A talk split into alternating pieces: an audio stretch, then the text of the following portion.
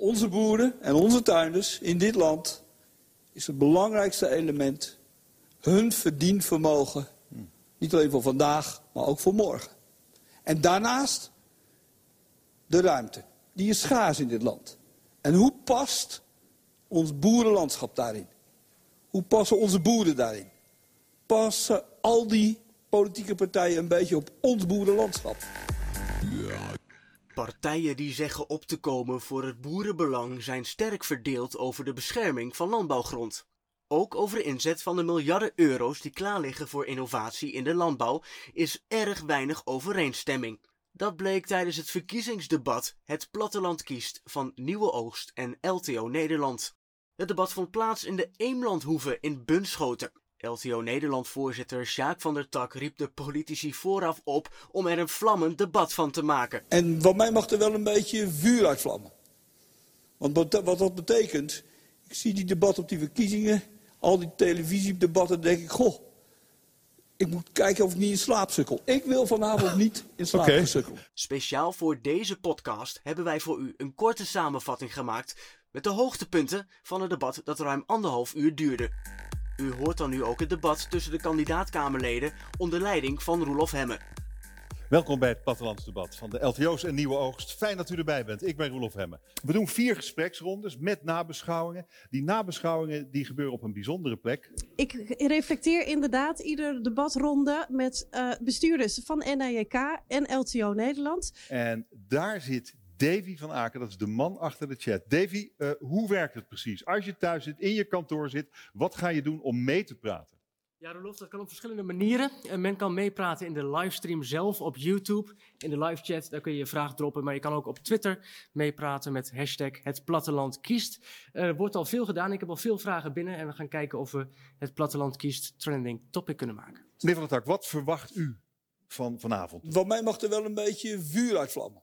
Het areaal landbouwgrond krimpt de komende vier jaar met geen vierkante meter. De landbouw is ons goud en dat willen wij koesteren. De stelling, er gaat geen vierkante meter grond de, de komende vier jaar af, die is niemand kan die staven. Niemand kan hem ook hard maken. Uh, het is populisme wat u doet en wat u de boventoon laat voeren.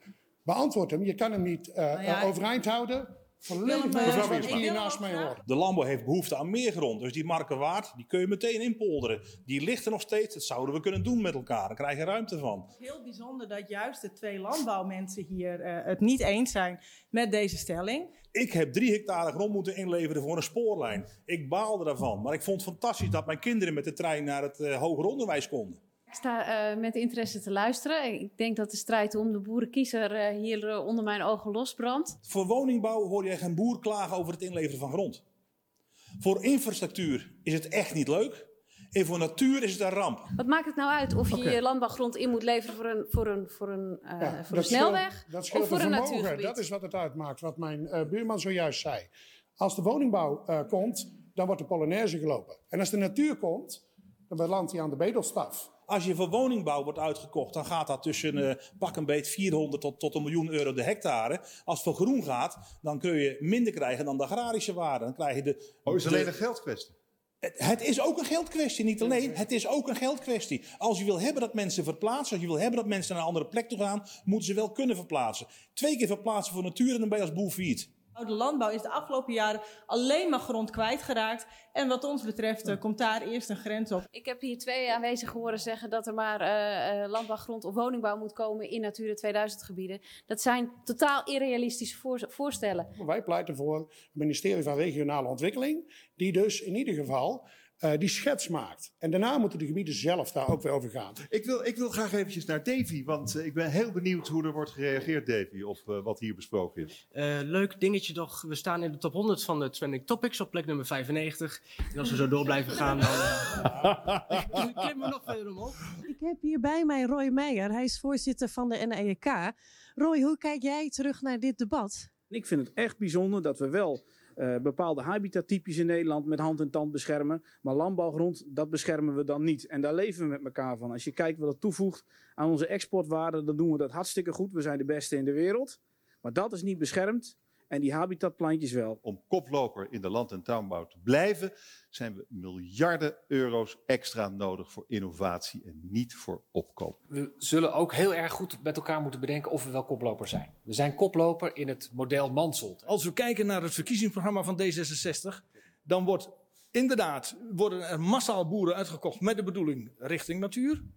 Maar daarmee breng je de voedselzekerheid van ons eigen land, zeker van de export in gevaar. De innovaties, zoals het hier wordt bedoeld, zijn eigenlijk manieren om het huidige systeem een klein beetje minder vervuilend te maken. Minder bevolking is niet het geval. Minder consumptie is niet het geval. Dus dat voedsel moet van elders komen. Ik vind de luchtwasser bijvoorbeeld geen vernieuwing. Nederland is koploper, niet vanwege de productie. Nederland is koploper altijd uh, geworden doordat we steeds hebben geïnnoveerd. Doordat we juist nieuwe landbouwtechnieken hebben, nieuwe productietechnieken hebben. Van mij hoeft niks weg, van mij mag de landbouw groter worden. En dat maakt eigenlijk van ja, is het opkoop of gaat met innovatie?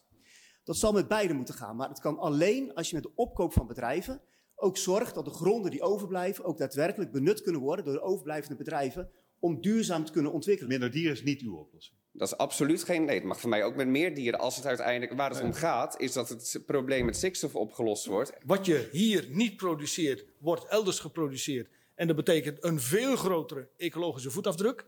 De heer Bisschop maakt er een beetje potje van. Want nou, kijk, nou, nou, nou. waar maakt hij precies een potje van? Nou, door, door, met die export en alles. Dat is toch je reinste flauwekul. We zijn 70% zijn we exporterend. Waar we het meest aan verdienen is de sierteelt. Daarna, plek 2, zijn de landbouwtechnieken. Uh, als het gaat om rundvlees, zijn we netto importerend. Dus, uh, dus dat soort producten, wereldmarktleider zijn we op de, daarvan. Moeten we daar dan minder van worden? Want dat is allemaal onderdeel van de agro-export. Ik zou daar niet aan willen tornen. En volgens mij moeten we daar de balans vinden tussen aan de ene kant bedrijven die willen stoppen, de ruimte bieden, maar dan de ruimte die vrijkomt ook daadwerkelijk blijven benutten om een duurzame agrarische toekomst te doen. Mm -hmm. Die balans die moeten we vinden. Die balans die is nu zoek. Dank jullie zeer. Het is alweer voorbij. Maar man, man, man. Uh, we hebben natuurlijk de chat. Davy, hoe uh, wordt er uh, thuis en op de kantoortjes op gereageerd? Ja, nog steeds erg druk. We moesten er net natuurlijk even om lachen hè, over die trending topic, hè, die plek 61.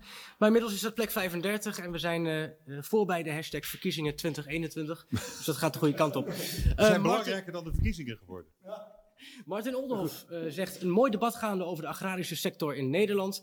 Bert op Twitter, ik volg het platteland kiest debat ook vanuit de stal. Er is een kalfje geboren, hier groeit de veestapel wow. nog steeds. Nou, hier uh, blijft de veestapel nog even hetzelfde. We hebben nog geen kalfjes gesignaleerd, dus we blijven hier nog even zo, zoals het is. Uh, de politiek wordt wel eens gezegd van heb vertrouwen uh, in ons. Hè? Dus het vertrouwen kalft wat af, laten we het maar zo zeggen. Maar heb ook eens vertrouwen in de boeren, want die zijn al jaren bezig. Dat is net wat Bisschop zegt. Die zijn al jaren bezig. Die zijn al met oplossingen bezig. Heb vertrouwen. De politiek moet niet over de onderbuik gaan, maar over feiten. Het is zeer verstandig geweest dat onder de plu van het CDA de commissie Hordijk is benoemd. Die van alles zegt over de manier hoe wij meten, weten en berekenen. En die is vlijmscherp.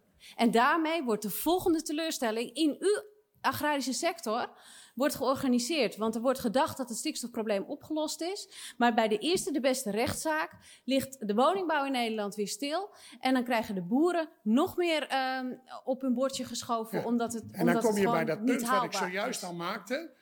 Dat um, uh, je je als overheid zou moeten schamen dat je dus geen functionerend vergunningsbeleid had.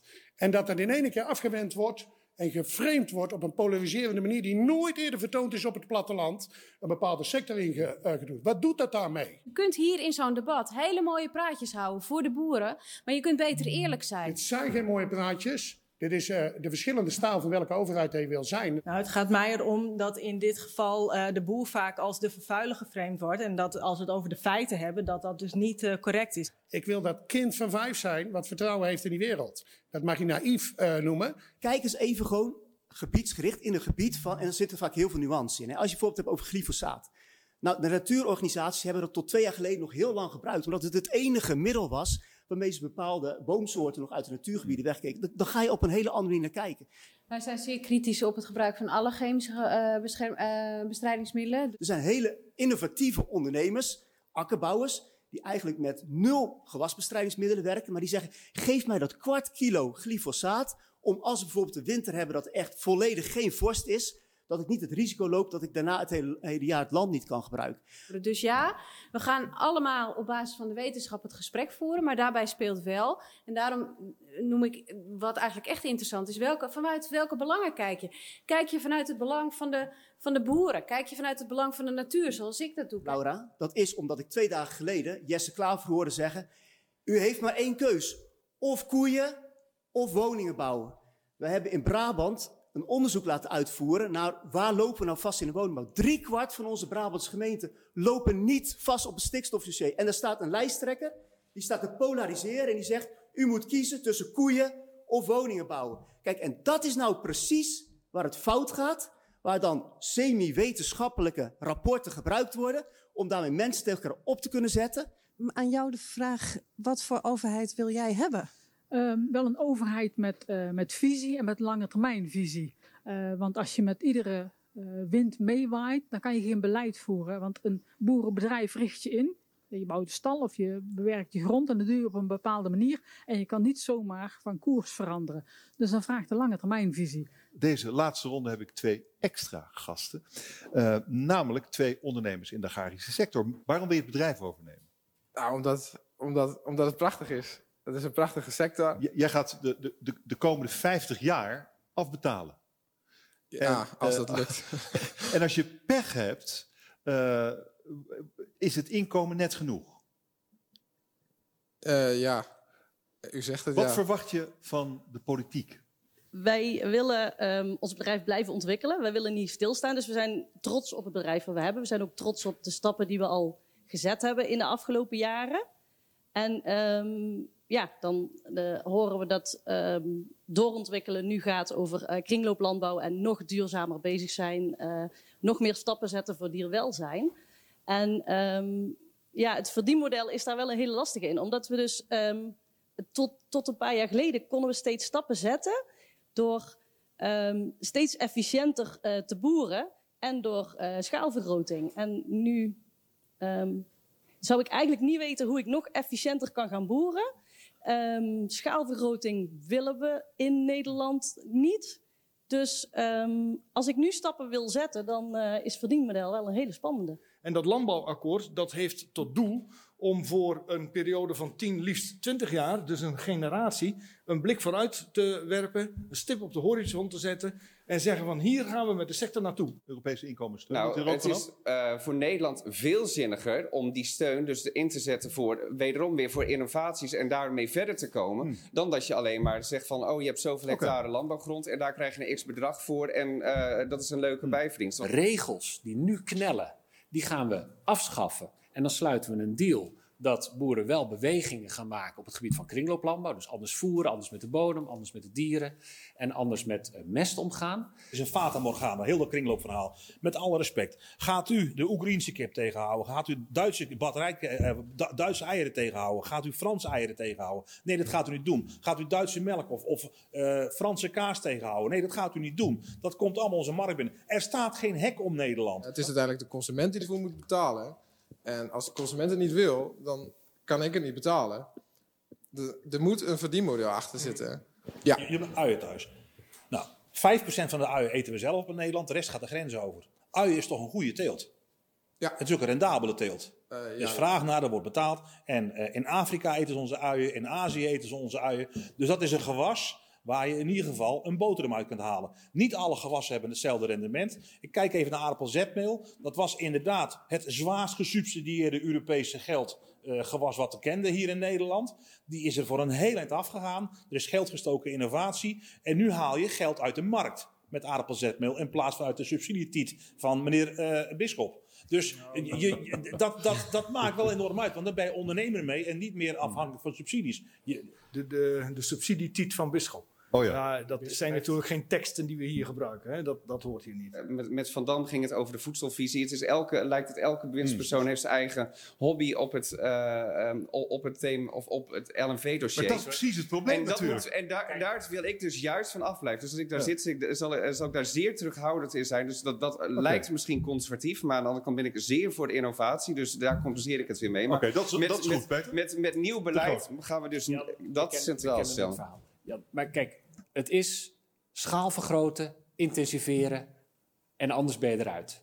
En dat is een heel consistent beleid. Dat is eigenlijk het VVD-beleid. Je bent aan je lot overgelaten en af en toe komen we dan weer klimaat tegen of stikstof en dan krijg je weer regels. Alle partijen die straks gaan formeren, die gaan als eerste nieuwe regels en doelen stellen op klimaat. Dan komt stikstof, dan kaderrichtlijn water. U wilt uit Europa. Dus je kunt hier, nee, dat zijn. Europese afspraken die Nee, we al maar hebben gemaakt. kringlooplandbouw is geen Europese afspraak. Dit zijn Europese afspraken Het is waar geen Nederland Europese zich afspraak, niet onzin. aan houdt.